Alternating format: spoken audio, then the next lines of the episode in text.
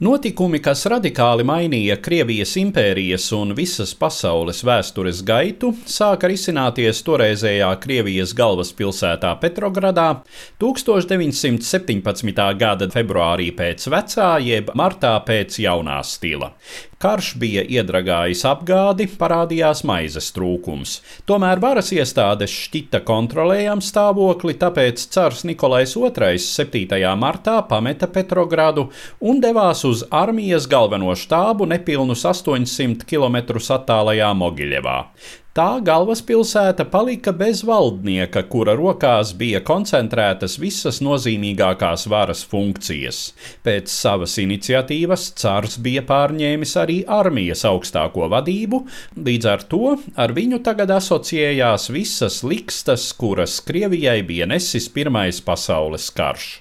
Nenākas brīnīties, ka 8. martā sociālistu sarīkotie strādnieču dienas gājieni strauji pārauga protesta demonstrācijās, kur lozungam maizi drīz pievienojās otrs nost ar karu, un tad jau arī trešais nost ar patvaldību.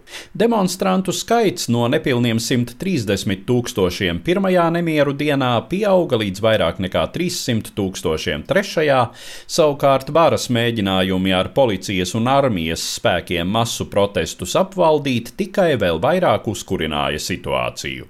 Zaldātu Petrogradā bija daudz, pat pārāk daudz.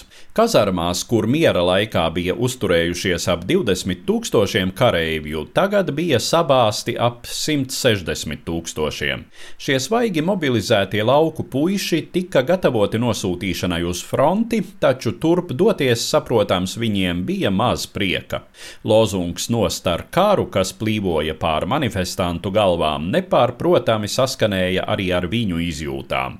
Kritiskais lūzuma punkts iestājās 12. martā, kad kareivji sāka masveidā pāriet strādnieku pusē, un šī daļēji bruņotā demonstrantu masa, kas jau sasniedza pusmiljonu, pārņēma Petrogradu savā varā. Policisti bēga un slēpās, daudzi tika nogalināti, tāpat arī daudzi virsnieki. Sacēlušies atbrīvoja cietumniekus, ieņēma valdības ēkas, tā izskaitā valsts domes rezidenci Taurijas Billy. Cārs jau 11. martā bija izsludinājis divu mēnešu pārtraukumu likumdevēju darbā, taču tagad bruņotā pūļa ielenkumā lielākā daļa domnieku izšķīrās nepakļauties valdnieka pavēlei un izveidoja pagaidu komiteju, kas sevi pasludināja par varas nesēju. Daudzus vecās valdības ministrus arestēja. 14. martā cārs mēģināja nokļūt atpakaļ galvaspilsētā, taču arī dzelzceļa darbinieki vairs nepakļāvās viņa pavēlēm.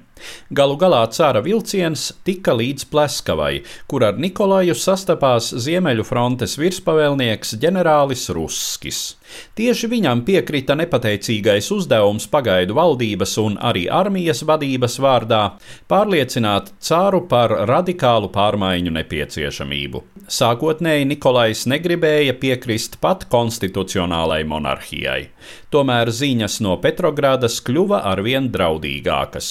Kad 15. mārta rītā cārs galu galā bija gatavs piekāpties, pagaidu komitejas vadītājs Mihails Rodzjanko no galvaspilsētas ziņoja, ka šis jau ir nokavēts risinājums un Nikolaja palikšana tronī vairs nav iespējama. Līdzīgu viedokli pauda arī vairums armijas augstāko komandieru un arī cara tēvocis, ietekmīgais lielkņas Nikolais Nikolājevičs.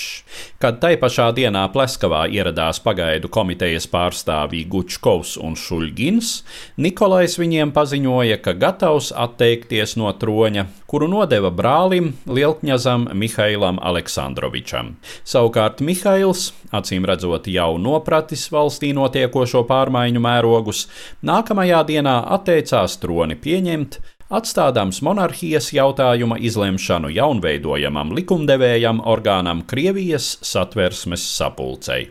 Tā 1917. gada 3. martā pēc vecā, jeb 16. martā pēc jaunā stila, Krievijas monarhija beidza pastāvēt. Stāstīja Eduards Liniņš.